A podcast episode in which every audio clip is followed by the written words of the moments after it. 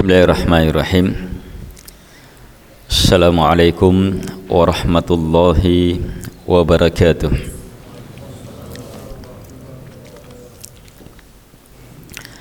Innal hamdalillah nahmaduhu wa nasta'inuhu wa nastaghfiruh wa na'udzu billahi min shururi anfusina wa sayyiati a'malina من يهده الله فلا مضل له ومن يضلل فلا هادي له. وأشهد أن لا إله إلا الله وحده لا شريك له وأشهد أن محمدا عبده ورسوله. يا أيها الذين آمنوا اتقوا الله حق تقاته ولا تموتن إلا وأنتم مسلمون. يا أيها الناس اتقوا ربكم الذي خلقكم من نفس واحدة وخلق منها زوجها وبث منهما رجالا كثيرا ونساء. واتقوا الله الذي تساءلون به والأرحام إن الله كان عليكم رقيباً. يا أيها الذين آمنوا اتقوا الله وقولوا قولا سديدا يصلح لكم أعمالكم ويغفر لكم ذنوبكم.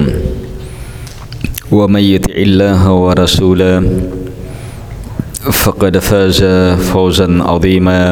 أما بعد فإن أصدق الحديث كتاب الله.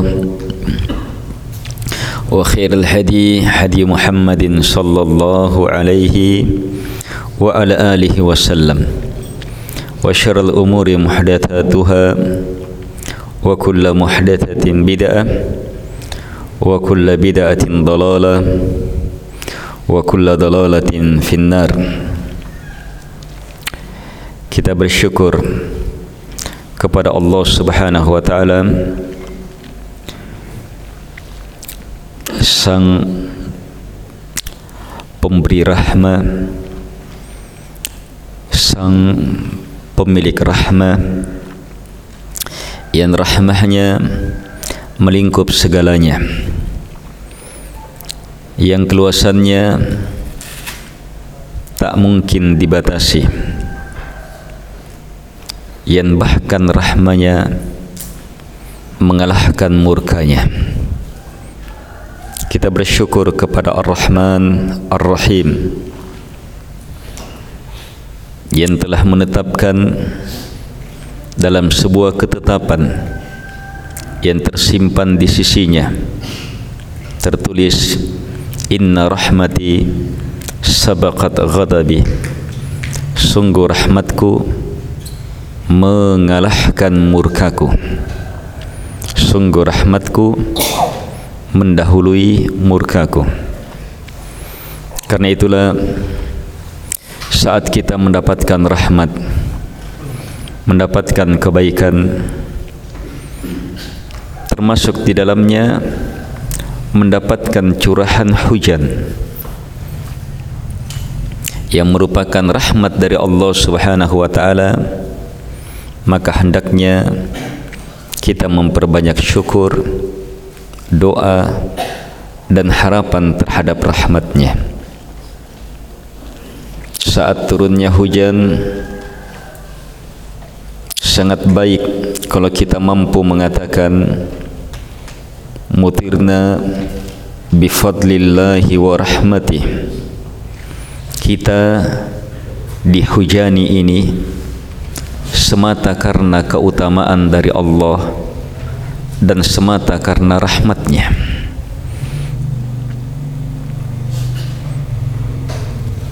Adapun mereka-mereka yang saat turunnya hujan justru berburuk sangka saat turunnya hujan justru menyandarkan nikmat hujan kepada selain Allah Subhanahu wa taala. Ini karena bulan ini, ini karena bintang ini. Dan seterusnya. maka ini merupakan ucapan kesyirikan. Keingkaran terhadap nikmat. Yang hendaknya bagi setiap muslim dan muslimah menghindar dan menjauh dari kalimat-kalimat ini. Ucapan seorang muslim hamba yang bersyukur kepada Allah Subhanahu wa taala saat turunnya rahmah maka mereka bersyukur kepada Allah Subhanahu wa taala menyandarkan seluruhnya kepada Allah Subhanahu wa taala dan mengharap kepada Allah rahmat yang seluas-luasnya. Karena itu seiring dengan pernyataan kita. Mutirna bi fadlillahi wa rahmatih kita dihujani semata karena keutamaan Allah dan rahmatnya. Maka kita susul dengan doa Allahumma sayyiban nafi'a. Ya Allah saya meminta kepadamu agar supaya hujan ini menjadi curahan yang penuh manfaat. Allah menyuruh kita untuk mengejar rahmatnya di balik turunnya hujan. Untuk mengharapkan keluasan manfaat rahmat Allah Subhanahu wa taala di balik turunnya hujan.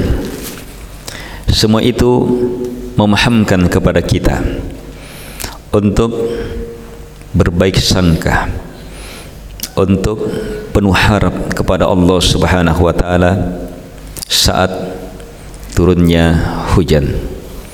Dan memperbanyak doa dan harapan saat turunnya hujan.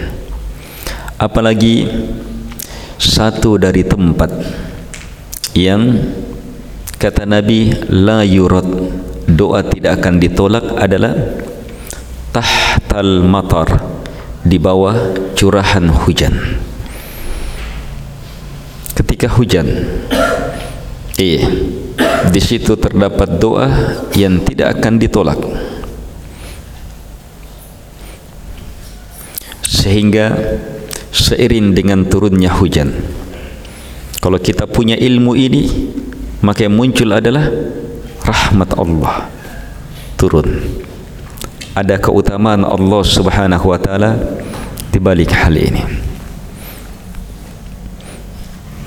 terus ada kesempatan besar untuk meraih terkabulkannya doa di balik hujan sehingga kita pun terus menerus mengharapkan rahmat Allah Subhanahu wa taala saat turunnya hujan.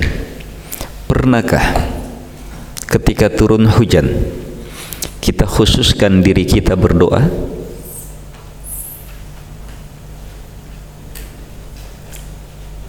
Turun hujan kita khususkan diri kita berdoa? Kalau belum berarti kita belum pernah paham hadis yang kita sudah hafal bahawa saat turunnya hujan adalah doa yang tidak tertolak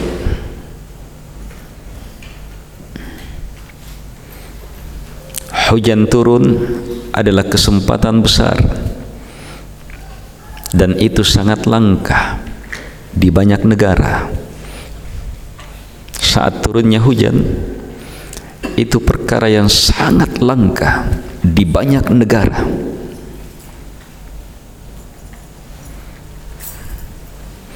Tapi kita alhamdulillah di banyak waktu Allah Subhanahu wa taala perlihatkan ayat-ayatnya ini.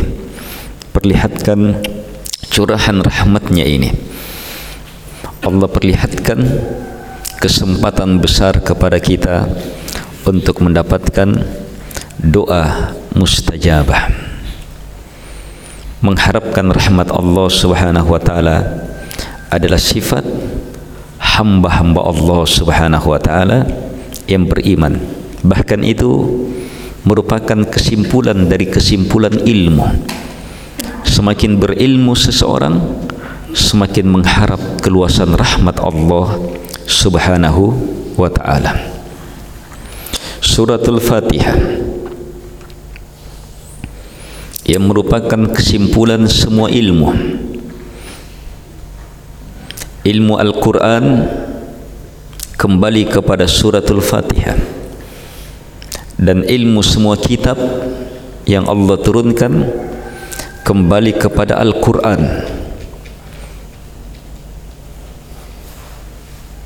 Dan ilmu Al-Quran kembali kepada suratul Fatihah suratul Fatihah surah apa? surah pernyataan harapan. Karena cinta kepada Ar-Rahman Ar-Rahim. Kepada yang maha merahmati kita nyatakan Alhamdulillah Rabbil Alamin. Kepada siapa? Ar-Rahmanir Rahim. Kepada dia Malik Yawmiddin kita nyatakan harapan rahmat terbesar melalui Iyaka na'budu wa iyaka nasta'in. Hanya kepadamu ya Allah kami beribadah. Dan hanya kepadamu kami minta pertolongan. Yang akhirnya إحدينا الصراط mustaqim siratal ladina an'amta alaihim غير المغضوب عليهم ولا الضالين. Ini akhirnya akan menjadi doa yang pasti kita dapatkan. Rahmat Allah subhanahu wa ta'ala terhampar seluas-luasnya melalui doa. Bahkan doa-doa hebat itu bertawassul dengan rahmat Allah Subhanahu wa taala. Di antara doa yang sangat dianjurkan ketika gawat ketika gawat menghadapi goncangan ada kesedihan yang sangat ada tanda-tanda bahaya maka minta keselamatan kepada Allah bertawakal kepada Allah melalui rahmatnya baca ya hayyu ya qayyum bi rahmatika astaghith aslih li sya'ni kullah wa la takilni ila nafsi tarfat ain ya hayyu ya qayyum wahai yang maha hidup wahai yang menegakkan segalanya bi rahmatika astaghith semata karena rahmatmu. Semata karena rahmatmu. Astaghith. Saya minta keselamatan dari bahaya ini. Astaghith itu apa? Orang yang minta selamat dari bahaya besar. Sesuatu yang sangat menggoncang. Maka minta doa saat ada goncangan besar itu istighathah namanya. Dan dalam doa ini kita nyatakan minta kepada Allah Ya Hayyu Ya Qayyum Wahai yang maha hidup Wahai yang maha menegakkan mewujudkan segalanya Birahmatika Perhatikan kalimat Birahmatika Astaghid Semata karena rahmatmu semata karena keluasan rahmatmu semata karena seutuhnya dari rahmatmu. Eh astaghid saya minta keselamatan. Aslih li sya'ni kullah. Perbaiki. Perhebat seluruh urusanku tanpa kecuali. Wala takilni ila nafsi tarfat ain. Dan jangan kamu ya Allah bebankan urusan-urusan itu kepadaku walaupun sekejap mata. Ini doa dibaca di pagi hari seperti ini. Dan dibaca saat-saat gawat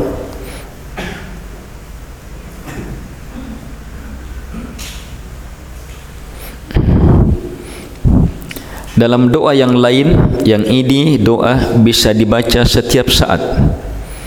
Apalagi saat-saat kita mengharapkan rahmat Allah. Terkhusus saat-saat gawat. Baca ini. Allahumma rahmataka arju. Fala takilni ala nafsi tarfata ain wa aslih li sya'ni kullah. La ilaha illa anta. Hampir mirip. Allahumma ya Allah. Rahmataka arju. Hanya rahmatmu yang saya harapkan. Kalau tadi ya hayyu ya qayyum birahmatika astaghith. Wahai yang maha hidup wahai yang maha menegakkan segalanya semata karena rahmatmu saya minta penjagaan. Kalau ini. Allahumma. Berdoa dengan nama yang terhebat. Ya Allah hanya kepadamu saya meminta. Tidak kepada yang lainmu. Rahmataka arju semata rahmatmu yang saya harapkan. Fala takilni ala nafsi tarfat ain. Karena itu jangan kamu sandarkan bebankan kepada diri saya iya segala urusan walaupun sekejap mata. Wa aslih li sya'ni kullah dan perbaiki urusan-urusanku seluruhnya la ilaha illa anta. Tak ada yang berhak untuk disembah kecuali hanyalah engkau. Jadi dua doa doa ini semuanya bersandar kepada rahmat Allah Subhanahu wa taala. Doa eh dan ini doa-doa hebat. Doa-doa luar biasa yang semuanya kita sandarkan kepada rahmat Allah Subhanahu wa taala.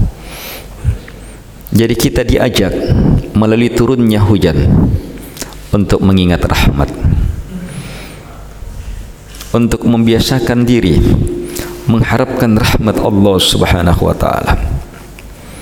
Kalau kita yakin seluruh rahmat hanya milik Allah dan kita yakin tak satu pun rahmat kecuali hanya datang dari Ar-Rahman Ar-Rahim.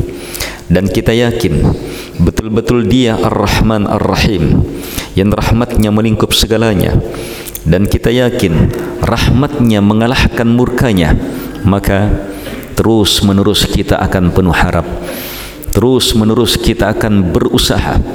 Tidak akan pernah berputus asa. Maka terus menerus kita akan kembali kepadanya sebab rahmatnya teramat luas.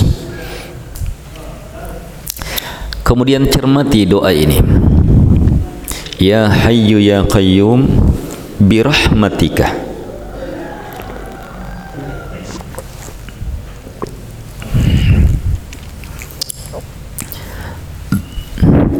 wahai yang maha hidup yang maha menegakkan segalanya birahmatika astaghid kalimat birahmatika didahulukan.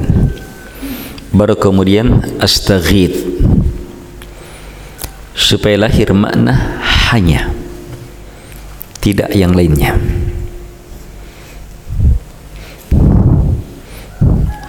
Berarti kita dituntun untuk meminta kepada Allah melalui rahmatnya hanya dengan itu. Jangan duakan Allah di sini. Haram seharam-haramnya. Harus harapkan rahmat rahmat Allah semata. Harus semata karena rahmatnya. Jangan yang lainnya. Demikian pula doa yang bisa dibaca setiap saat Allahumma rahmataka arju. Rahmataka didahulukan dari kalimat arju. Rahmataka arju. Supaya lahir makna hanya rahmatmu yang saya harapkan. Tidak yang lainnya. Karena itu maka selanjutnya. Berarti apa kita disuruh meminta kepada Allah dengan mengharap hanya kepadanya melalui rahmatnya yang teramat luas dengan cara mengkhususkan permintaan itu. Jangan bagi kepada yang lainnya syirik.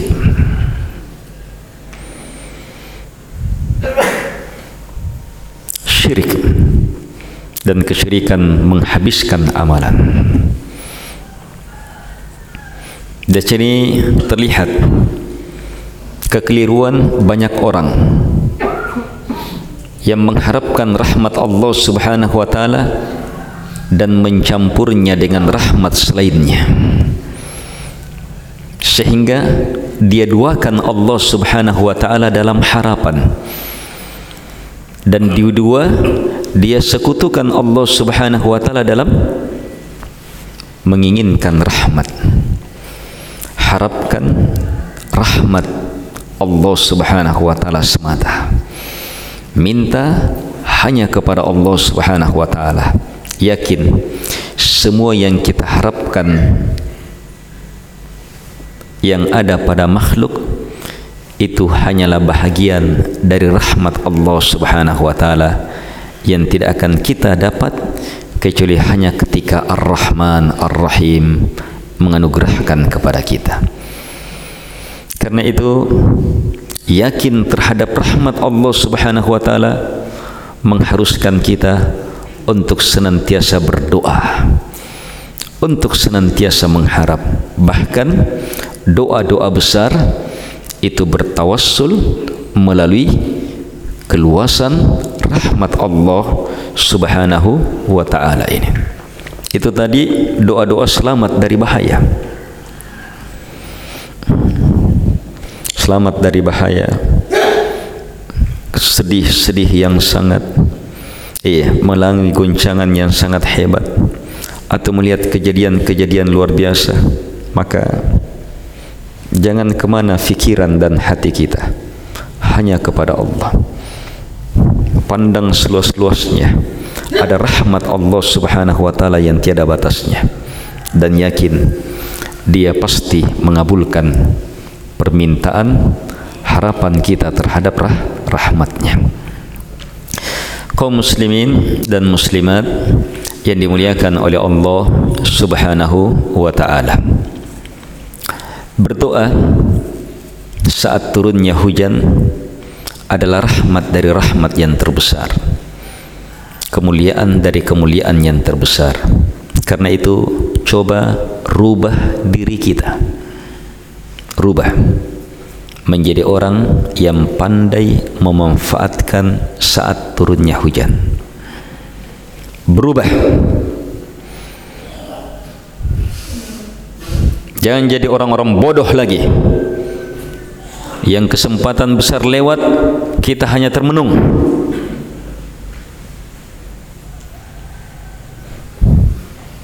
berubah. Saat turunnya hujan lihat luasnya rahmat Allah. Kesempatan meraih kebaikan besar.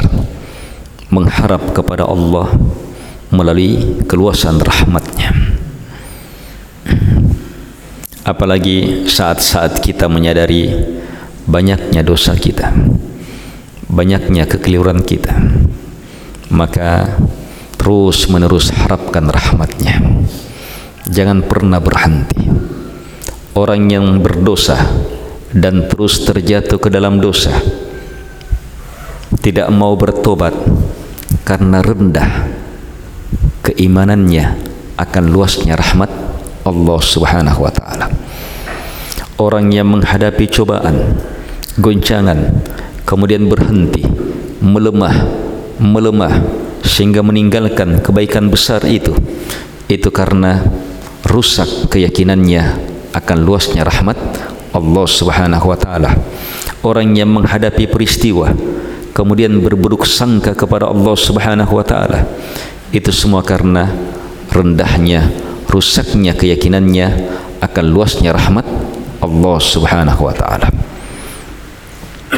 tapi bersamaan dengan prinsip dan keyakinan ini hendaknya kita iringi doa penuh harap kita akan luasnya rahmat Allah Subhanahu wa taala dan pasti Allah Subhanahu wa taala mengabulkannya dengan kekhawatiran.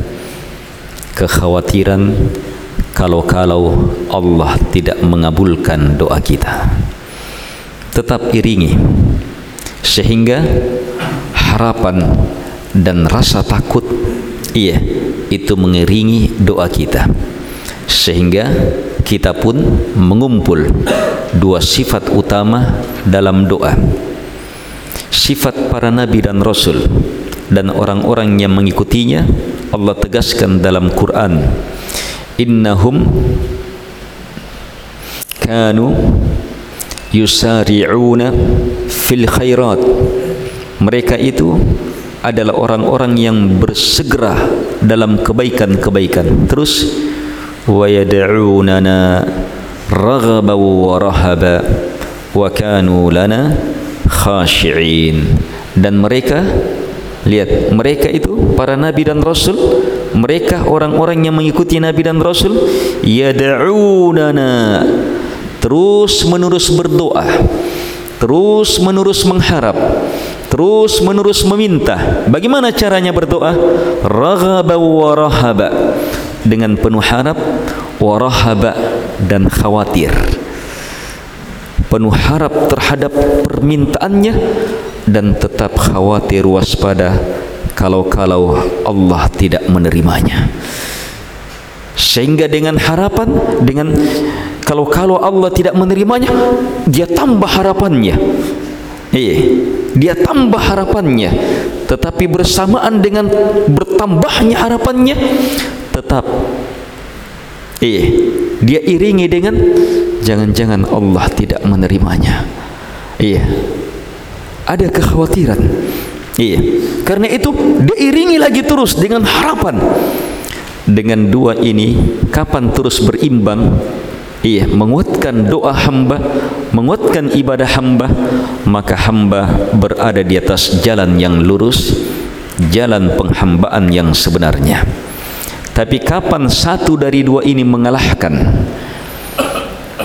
Harapannya dominan. Sehingga tidak ada takutnya khawatirnya. Atau takutnya yang dominan. Sehingga mematikan harapannya. Maka yang seperti ini akan menjatuhkan hamba ke dalam jurang-jurang penyimpangan kesesatan-kesesatan dalam berfikir, dalam berkeyakinan, dalam beramal.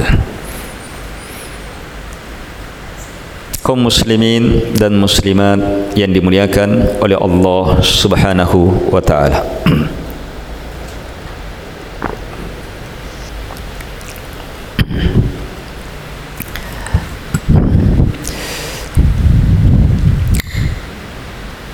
Di pengajian ini kita sudah mengajarkan beberapa doa-doa penting.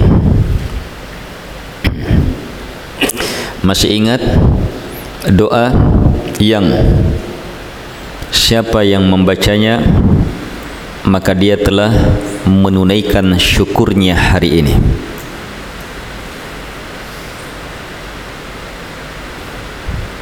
Siapa yang ingat? Ya. Yeah.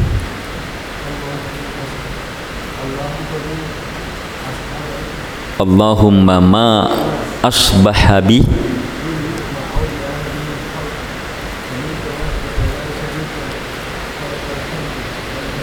Ahsanta. Allahumma. Ya Allah hanya kepadamu saya meminta tidak kepada lainmu yang lainmu. Ma asbaha bi. Apapun yang di subuh ini saya rasakan min ni'mah berupa nikmat apapun.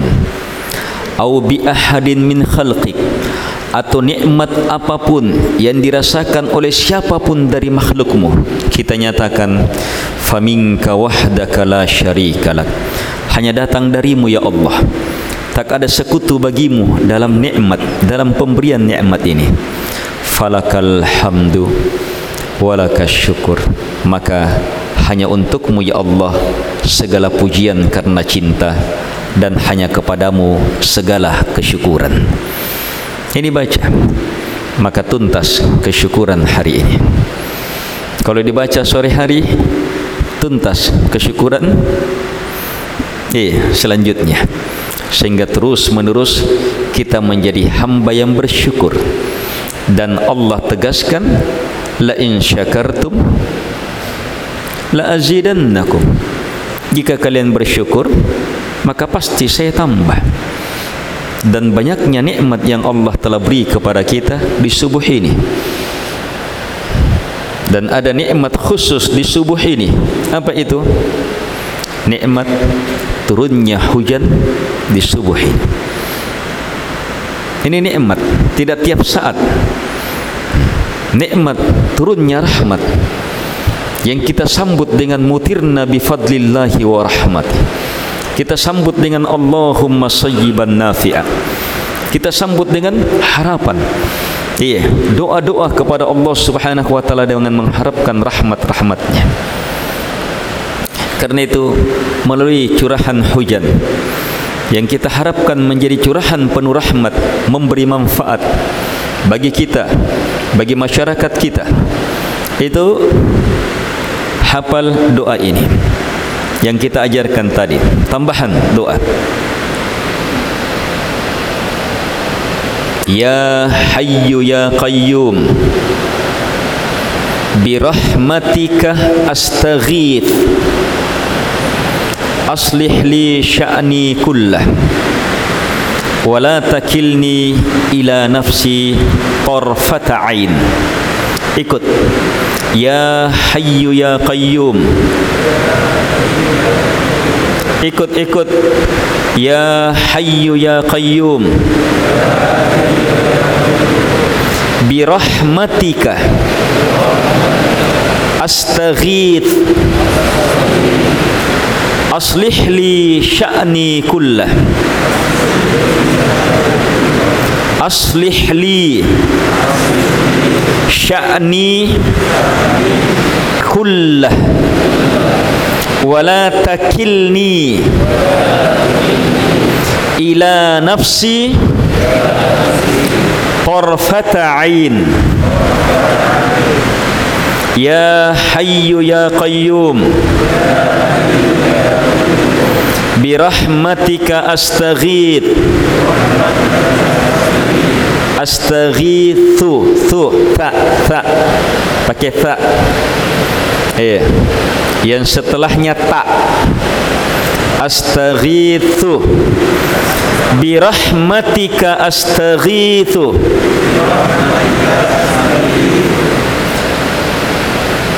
Aslih li sya'ni kullah wala takilni ila nafsi tarfata ain tiga kalimat ya hayyu ya qayyum bi rahmatika astaghir ayo ya hayyu ya qayyum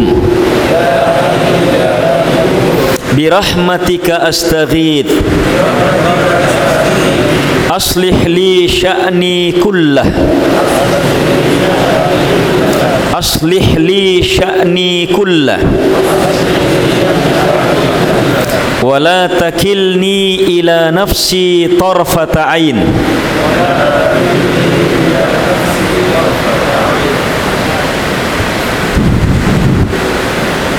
hafal sekarang Jangan bilang sebentar, tidak sekarang. Tidak ada yang bisa keluar kalau belum anu hafal ini. Keluar jiwa mau apa? Hujan-hujan. Hafal sekarang. Harus ada niat dulu.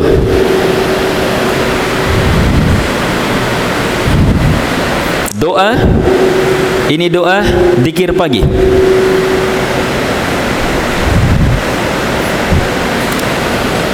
Fungsi yang lainnya ini doa dibaca setiap gawat setiap mengharapkan rahmat ada gempa, ada hujan besar, ada banjir, ada atau susah, ada masalah, ada kebakaran, ada apa? Baca doa ini. Ya Hayyu Ya Qayyum. Ikut Ya Hayyu Ya Qayyum. Bi rahmatika astaghith. أصلح لي شأني كله ولا تكلني إلى نفسي طرفة عين يا حي يا قيوم Wahai yang maha menghidupkan lagi maha menegakkan segalanya Birahmatika astaghith semata karena rahmatmu hanya dengan keluasan rahmatmu saya minta pertolongan dalam keadaan gawat ini dalam keadaan tertekan ini dalam keadaan bahaya ini saya minta pertolongan. Aslih li sya'ni kullah. Aslih perbaiki li untukku sya'ni urusan-urusanku kullahu semuanya. Coba lihat hebatnya ini doa. Semua urusan. Kita minta dengan ya hayyu ya qayyum birahmatika astaghith. Kita minta apa? Semua urusan kita diperbaiki. Semua urusan kita jadi baik. Semakin baik terjaga selamat. Urusan dunia urusan pribadi urusan agama urusan dunia alam barzah akhirat masuk semuanya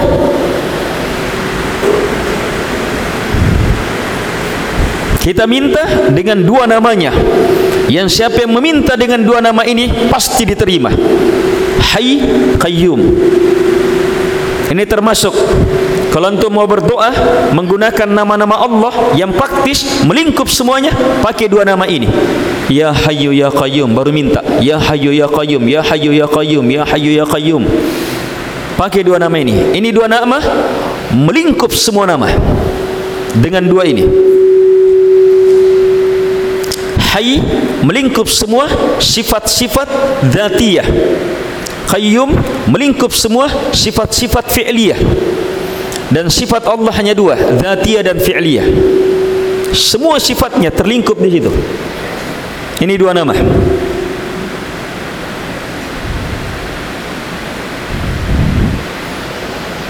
Ya Hayyu Ya Qayyum. Ikut. Ya Hayyu Ya Qayyum Birahmatika أستغيث. Aslih li sya'ni kullah Wala takilni dan jangan kamu wakilkan saya ila nafsi. Tarfata ain walaupun sekejap mata. Sekejap mata. Walaupun sekejap mata sebab walaupun sekejap mata kita tidak punya kekuatan apapun juga. Aja hanya kepada Allah.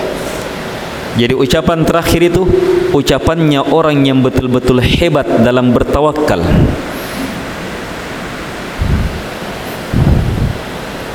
ini doa eh kalimat-kalimatnya mengandung ilmu-ilmu yang tiada tandingannya. Doa yang kandungannya merupakan kesimpulan-kesimpulan ilmu hamba karena itu berdoa dengan doa ini harus dengan memunculkan semua ilmu kita. Eh, mengerahkan segenap hati kita yang disertai dengan yakin betul Allah Subhanahu wa taala terima. Yakin betul Allah Subhanahu wa taala limpahkan rahmatnya kepada kita. Yakin betul bahawa Al-Hayyu Al-Qayyum akan memperbaiki semua urusan kita. Iya, yakin betul bahawa Allah Subhanahu wa taala tidak akan melimpahkan tanggungjawab semua urusan kepada kita sandarkan kepada kita sebab kita pasrahkan hanya kepada kepadanya Ya Hayyu Ya Qayyum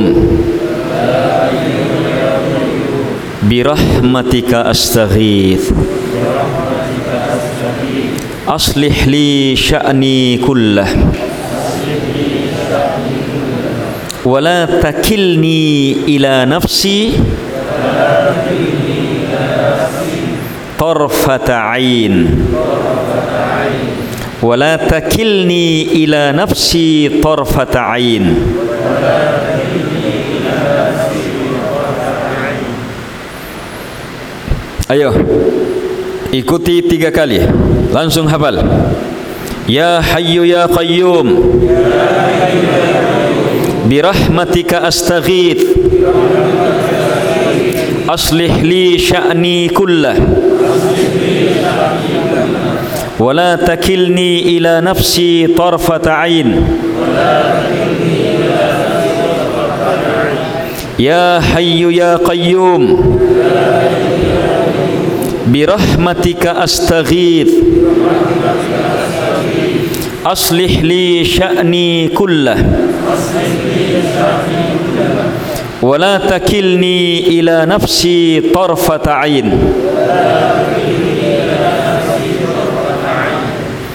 Sekali lagi Ya Hayyu Ya Qayyum Birahmatika astaghith Aslih li sya'ni kullah Wala takilni ila nafsi tarfata ain Saya baca tiga kali Jangan ikuti Dengar saja. Setelah itu saya langsung tunjuk Baca. Yang tidak bisa berdiri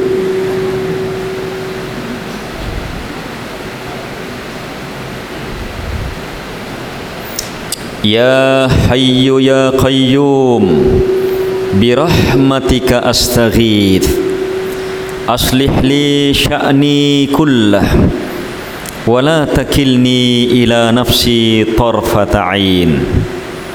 يا حي يا قيوم برحمتك أستغيث.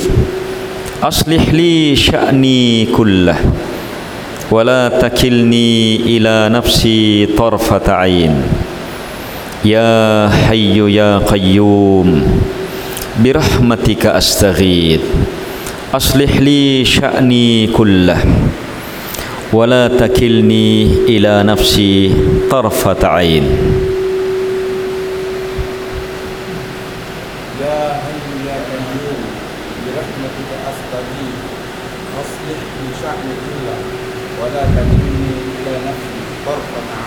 عين أحسن يا حي يا قيوم برحمتك أستغيث أصلح لي شأني ولا تكلني إلى نفسي طرفة عين Ahsan Yang pakai kacamata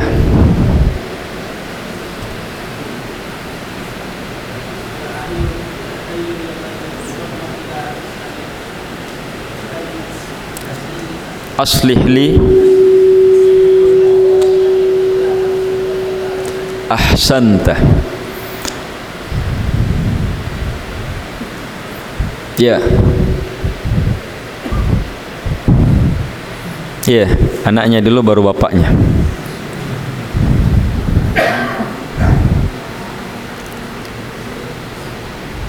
Birahmatika.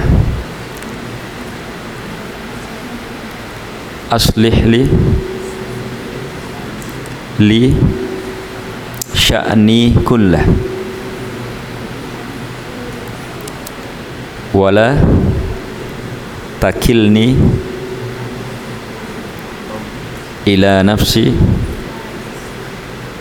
tarfata ahsan. Iya mana bapaknya? Iya.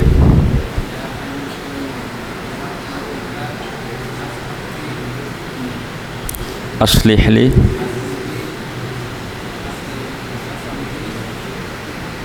sya'ni kullah. Wala takilni tarfat ain. Hid, kehidupan rumah tangga kehidupan rumah tangga itu akan lebih baik. Saat semua orang di rumah tangga itu memulai paginya subuhnya dengan doa ini. Iya. yeah. Diawali paginya subuhnya dengan doa ini. Itu baik. Jadi dihafal. Yang ya.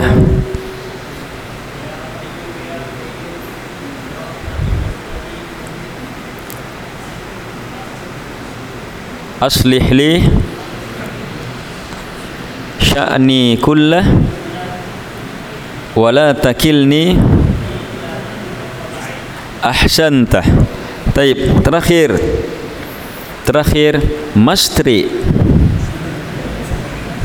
atau daing daing tri.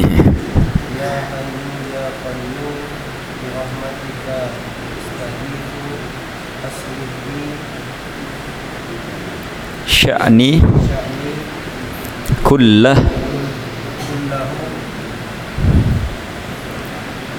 wala takilni.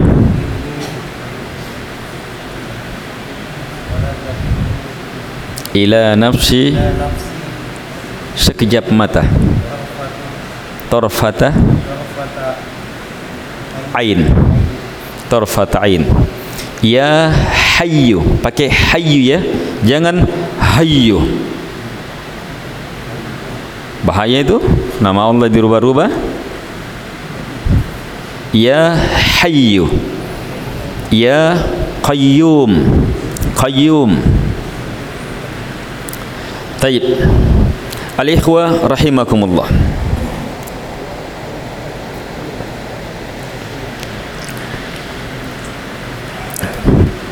Suatu hari seorang sahabat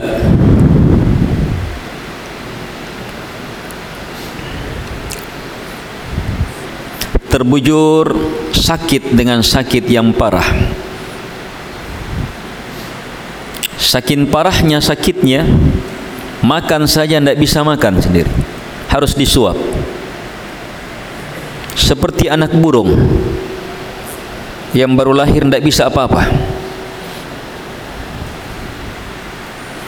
Nabi jenggu jenguk ziarahi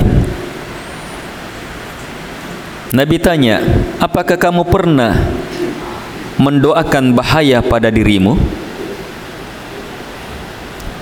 Ternyata beliau pernah berdoa Ya Allah hanya kepadamu saya meminta tidak kepada selainmu. Apa yang engkau akan siksakan saya di akhirat maka segerakan di dunia. Doa seperti ini tidak boleh. Tetapi harus yakin. Kalau kita dapat musibah di dunia harus yakin. Itu karena Allah ingin kebaikan kepada kita. Sebab musibah itu tanda baiknya Allah dengan digugurkannya dosa kita melalui musibah. Allah bi 'abdihi al-khairah, bi 'abdihi al-khairah, ajjala lahu al-uqubata fid dunya. Jika Allah menginginkan kebaikan kepada hamba, maka Allah segerakan pembalasan dosanya di. Di dunia. Disegerakan kalau Allah ingin kebaikan pada hamba. Dan jika Allah menginginkan kejelekan kepada hamba, maka amsakah bidambi hatta yuafi yaumal qiyamah Allah tahan dosanya tidak dibalas-balas. Nanti di akhirat dibalas penuh. Jadi kalau kita dapat musibah ada cobaan ada goncangan ada sakit ada fitnah ada apa yang membuat kita tergoncang sedih khawatir maka yakin Allah inginkan kita kebaikan. Allah inginkan gugur dosa kita. Allah inginkan rahmat kita Allah inginkan kita dapat pahala sabar dan seterusnya beragam kebaikan yang ada di dalamnya. Tapi jangan minta. Kalau permintaan mintanya al-afiyah. Yang disuruh minta minta selamat. Jangan minta kena musibah. Tapi minta minta selamat. Hmm. Minta selamat minta kebahagiaan minta selamat. Sudah? Nah, sahabat ini diterima doanya. Sehingga sakit seperti itu. Nabi tegur jangan kamu tidak akan sanggup.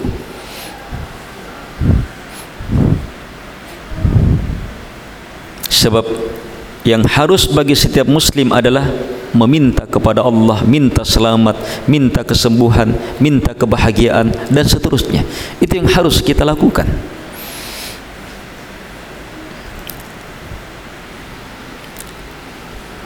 Adapun bagaimana Allah bersihkan kita melalui musibah serahkan hanya kepada Allah. Kalau Allah turunkan maka yakinlah Allah turunkan kepada kita saat kita mampu. Maka hadapi dengan kesabaran. Hadapi dengan meminta kepada Allah berdoa kepadanya. Setelah ditegur, iya. Oleh Nabi wasallam, Nabi kemudian mengajarkan sahabat ini doa yang seharusnya dibaca doa yang seharusnya dibaca Rabbana atina fid dunya hasanah wa fil akhirati hasanah wa qina adzaban nar atau Allahumma atina fid dunya hasanah wa fil akhirati hasanah wa qina adzaban nar ini doa. Jadi ada musibah ada bahaya terjatuh ke dalam dosa ada goncangan hadapi dengan do doa. Bukan hanya hujan semuanya hadapi dengan do doa.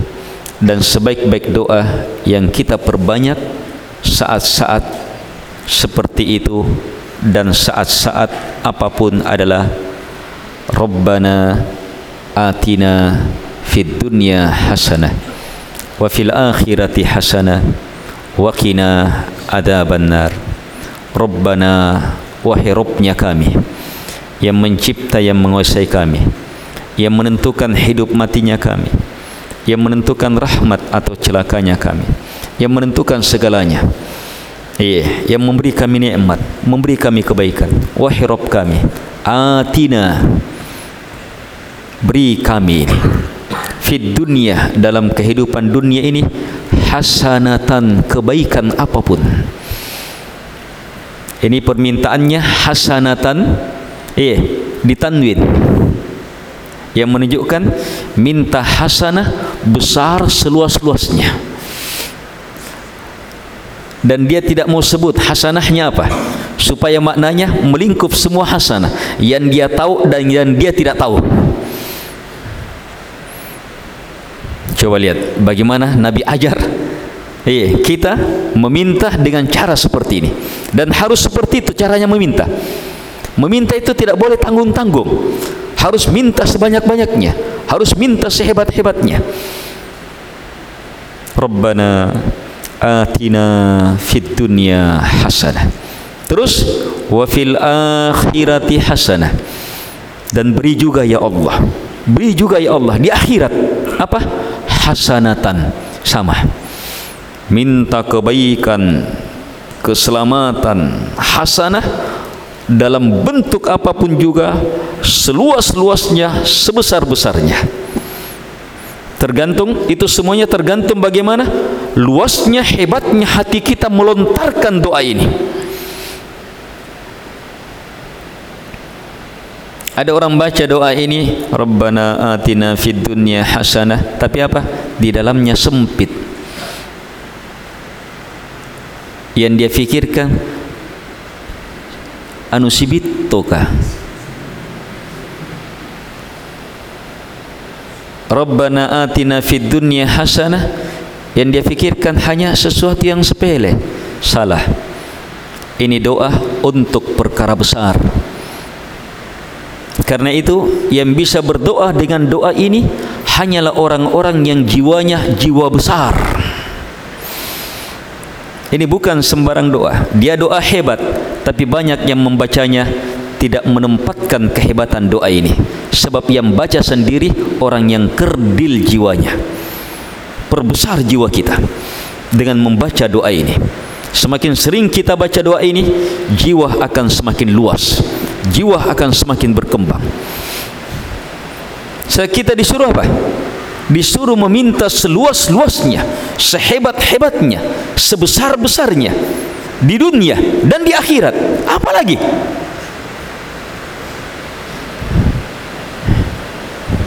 Tidak ada yang tersisa dari permintaan kebaikan apapun kecuali masuk semuanya di situ. Ternyata doa ini berlanjut lagi. Waqina dan selamatkan kami. Adzaban nar azab dari api neraka.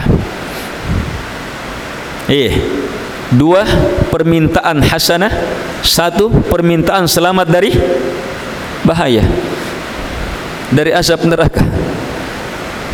Coba lihat, ayo, yad'unana raghaba wa rahaba.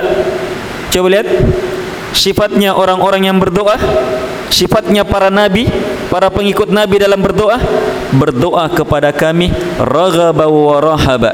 Penuh harap dan ta takut. Coba lihat kandungannya tadi. Rabbana atina fid dunya hasanah wa fil akhirati hasanah harapan harapan tiada batasnya. Wa qina adzabannar rasa takutnya meminta juga supaya diselamatkan dari azab neraka itu cara berdoa. Itu cara beribadah. Itu cara berzikir kepada Allah Subhanahu wa taala. Jangan hanya satu sisi saja. Harus ingat sisi yang lain.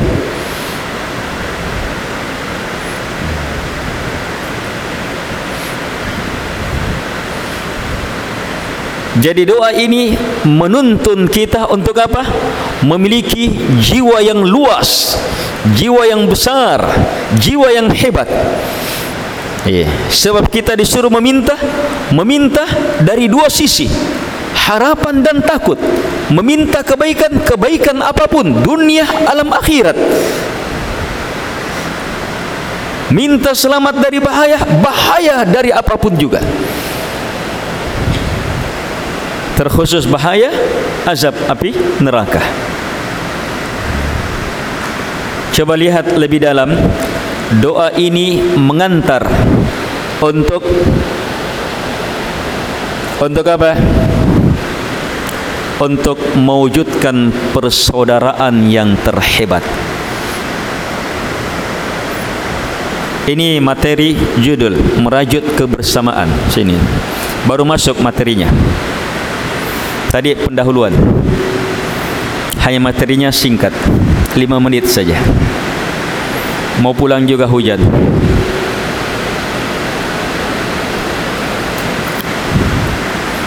Rabbana siapa na di situ?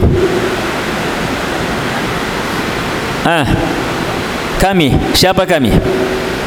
Atina beri kami. Siapa kami di situ?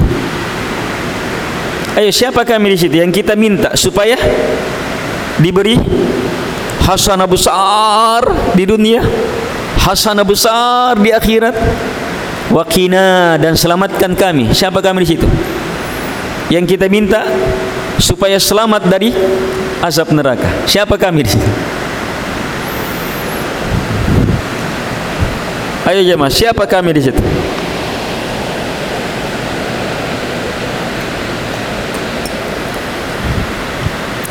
Saat kita baca doa ini siapa kami di situ saat kita baca masing-masing baca. Rabbana atina. Beri kami siapa yang antum doakan. Kalau kami pertama saya. Iya yeah. iya yeah, kan kami di situ pembicara yang pertama masuk. Siapa lagi?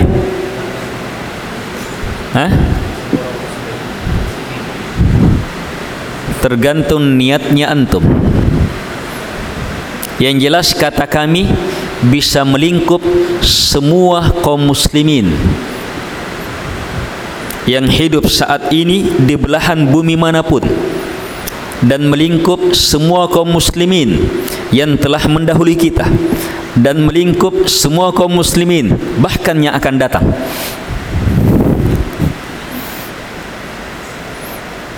Tergantung kita niatkan ke mana. Berarti doa ini doa luas tanpa batas. Siapa yang pandai berdoa dengan doa ini hatinya akan semakin luas. Ini cara praktis mentazkiyah jiwa mensucikan jiwa. Mensucikan jiwa itu artinya memperluas jiwa dan membersihkannya dari kotoran hasad dengki. Ini cara praktisnya. Coba antum. Allahum Rabbana wahai Rabb kami kami dan semua jamaah dia minta. Betul-betul. Saya ya Allah dan semua saudaraku yang ada di masjid ini. Rabbana atina beri kami ya Allah. Beri saya dan semua yang ada di masjid. Fid dunya hasanah. Kebaikan besar di dunia. Wa fil akhirati hasanah.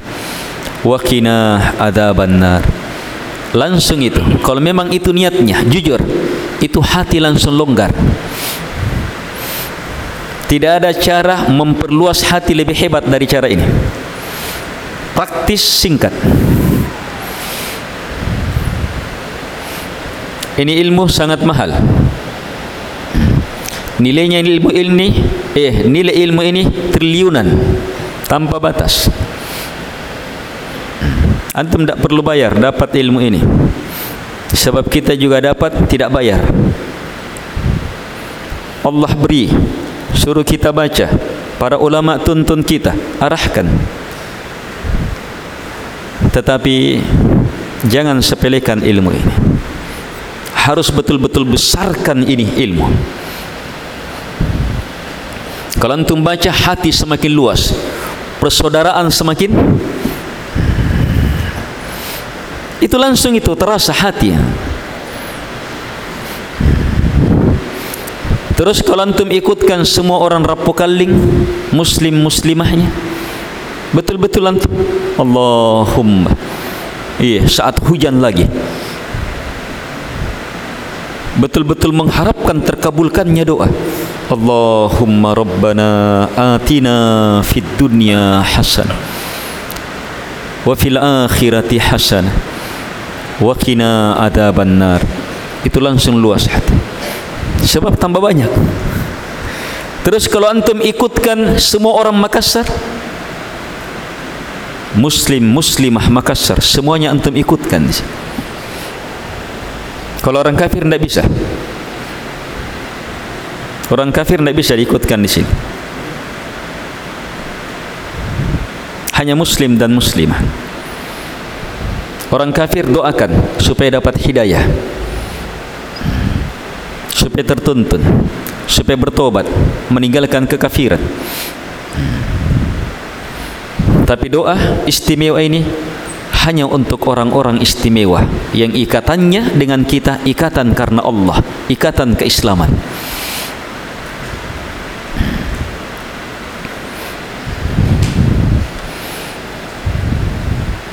Kalau antum ikutkan semua orang Sulawesi, wih tambah luas itu.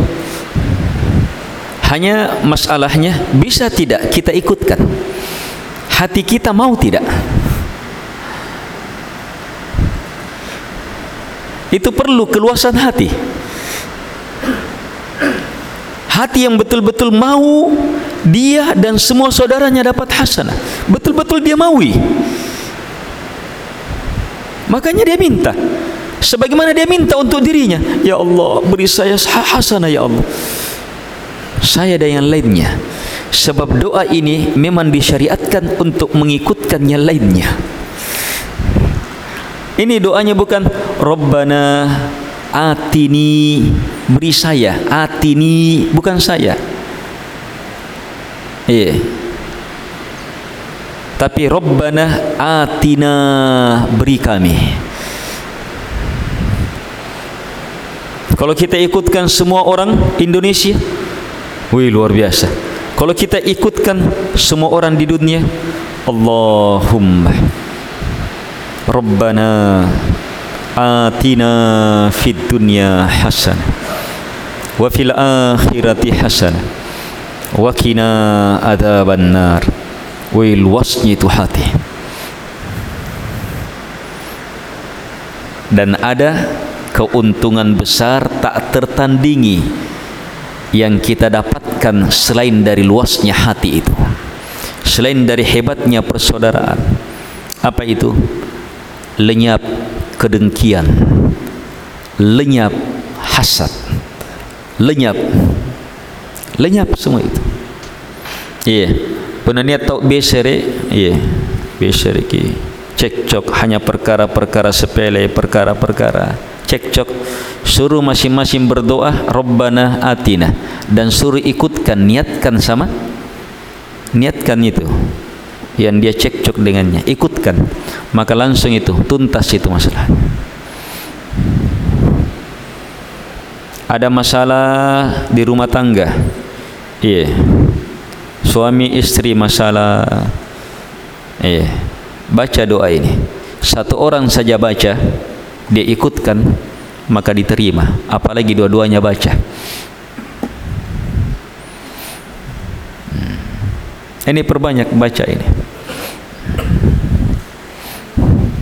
dan ada satu lagi kebaikan dari doa seperti ini yang sangat luar biasa kembali kepada kita kalau ini kita tahu, maka terus menerus kita akan berdoa dengan doa ini. Apa itu? Nabi bersabda, doa seorang muslim terhadap muslim yang lainnya bahril ghaib dalam keadaan dia tidak tahu. Kita doakan saudara kita, dia tidak tahu, maka doa itu mustajabah, dikabulkan. Luar biasa. Sampai di situ? Tidak. Kata Nabi untuk kamu yang berdoa dapat semisalnya kita doakan satu orang hasanah yang sangat luas di dunia hasanah sangat luas di akhirat selamat dari azab neraka. Dia tidak tahu maka pasti dikabulkan. Apa yang dia dapat itu kita dapat semisalnya. Jadi ini doa untuk kita juga. Kate parallu kita yang perlu sama doa ini. Jadi kita minta doa ini untuk diri kita dan ikutkan saudara kita saudara kita dapat kembali juga ke kita. Itu kalau satu orang. Kalau dua orang kalau dua orang kita ikutkan. Kalau orang tua, anak, istri, kerabat kita kita ikutkan semuanya. Tambah banyak. Kalau seratus orang kita ikutkan seratus. Seperti itu kembali kepada kita. Kita yang dapat lebih banyak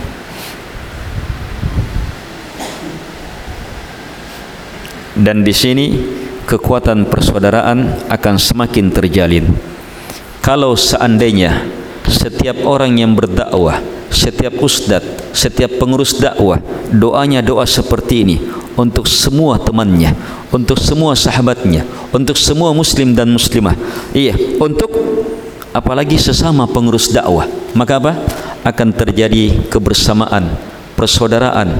Iya lambat atau cepat akan terwujud persaudaraan yang sangat luar biasa melalui jalan dakwah ini. Iya pengurus pengajian iya pampang mendoakan yang di galangan kapal. Yang di galangan kapal mendoakan yang di cakalang. Yang di cakalang doakan yang di ikhlas yang di ikhlas mendoakan yang ini yang ini yang ini yang ini. Semuanya saling mendoakan. Dia doakan semuanya. Masing-masing mendoakan yang lainnya. Tidak usah beritahu yang lainnya dalam keadaan dia tidak tahu pasti dikabulkan. Untuk apa? Semakin luasnya hati semakin baiknya kita. Hasanah dunia alam barzah akhirat. Selamat dari azab neraka dan semuanya kembali kepada kita. Sebab kata nabi kamu dapat semisalnya. Terus kalau doa ini kita doakan untuk para penguasa para aparat orang-orang yang mengurus-ngurus banyak urusan kita maka luar biasa banyaknya kebaikan yang terwujud melalui doa ini. Hanya doa ini harus dengan keikhlasan. Minta hanya kepada Allah. Jangan setelah meminta ini masih minta kepada Rob selainnya. Masih meminta kepada sembahan selainnya. Tidak boleh setelah baca Rabbana atina fid dunya hasanah. Tapi hatinya di mana? Ke kuburan. Iya dikubur lagi baca Rabbana atina fid dunya. Eh rekok bang ah atau di tempat-tempat atau di sungai Tallo iya supaya tidak banjir. Minta bertawassul melalui penghuninya ini supaya sampai kepada Allah. Kesyirikan. Harus langsung minta kepada Allah. Lihat doanya apa? Rabbana wahai Rabb kami. Tidak ada lagi. Wahai Rabb kami. Rabb artinya apa? Yang mencipta yang menguasai yang mengatur yang membeli yang mencurahkan. Rabb artinya apa? Yang membuat kita bisa solat. Yang mengatur kita bisa mengaji. Yang mengatur kita bisa faham yang mengatur kita cinta tauhid, cinta terhadap sunnah. Itu nikmat besar. Rob artinya apa? Yang kepadanya kita serahkan seluruh ibadah kita. Minta. Rabbana wahai Rabb kami. Atina fid dunya hasanah wa fil akhirati hasanah wa qina adzabannar. Jelas? Hmm. Ini ilmu besar guna terwujudnya persaudaraan iya dalam bentuk wujud apapun juga apalagi persaudaraan dalam dak dakwah. Iya. Semoga bermanfaat. Semoga Allah Subhanahu wa taala menjadikan kita seluruhnya ke dalam golongan hamba-hambanya yang mampu mendengarkan kalimat-kalimat baik dan mengikutinya dengan sebaik-baik pengikutan dan semoga Allah Subhanahu wa taala menjadikan kita seluruhnya ke dalam golongan hamba-hambanya yang senantiasa meminta mengharap memohon kepada Allah Subhanahu wa taala di setiap waktu dan keadaan dan semoga Allah Subhanahu wa taala terus dan semakin menuntun kita untuk meminta dan mengharap kepada Allah Subhanahu wa taala di waktu-waktu mustajabah, waktu-waktu hebat. Terakhir saya ingatkan jangan lupa di pengajian subuh sudah banyak doa. Raditu billahi rabba wa bil islami dina wa bi Muhammadin Nabi ya tiga kali pagi dan sore hari. Ma asbahna Allahumma ma asbaha bi min ni'mah aw bi ahadin min khalqik faminka wahdaka la syarika lak falakal hamdu wa lakal syukur. Satu kali tambah doa tadi di waktu subuh dan di waktu-waktu gawat. Ya hayyu ya qayyum bi rahmatika astaghith aslih li sya'ni kullah wa la takilni ila nafsi tarfat 'ain wala takilni ila nafsi tarfat ain. Dan doa yang keempat asbahna ala fitratil islam wa ala kalimatil ikhlas wa ala dini nabiyyina muhammad wa ala millati abina ibrahim hanifan muslima wa ma kana minal musyrikin. Satu kali. Ini doa semuanya adalah hakikat agama semua materi dakwah kembali kepada doa-doa ini. Sehingga penggerak dakwah yang malas mengamalkan doa ini itu akan kehilangan arah. Kemana arah dakwanya? Dia tidak tahu. Raditu billahi robba dia tidak tahu dakwanya. Hanya sekedar mengejar ridha Allah. Supaya dia betul-betul yakin mencintai meridai Allah satu-satunya yang dia sembah. Wabil islami dina dia tidak tahu kemana arah dakwanya semata karena ridhonya terhadap Islam maka dia berdakwah di atas jalan Islam. Wa bi Muhammadin nabiyya. Dan ridho bahawa Nabi Muhammad satu-satunya nah, nabi. Kita ridho tersebut iya. Kalau tidak tahu jalan dakwah iya. Kita diingatkan terus dengan doa-doa ini kita akan lalai terlalaikan dalam dalam dakwah Subhanakallahumma bihamdik asyhadu an la ilaha illa anta astaghfiruka wa atubu ilaik. Sallallahu ala Muhammad wa ala alihi washabbihi wasallam tasliman katira. Wa akhiru da'wana alhamdulillahi rabbil alamin. Wassalamu alaikum warahmatullahi wabarakatuh.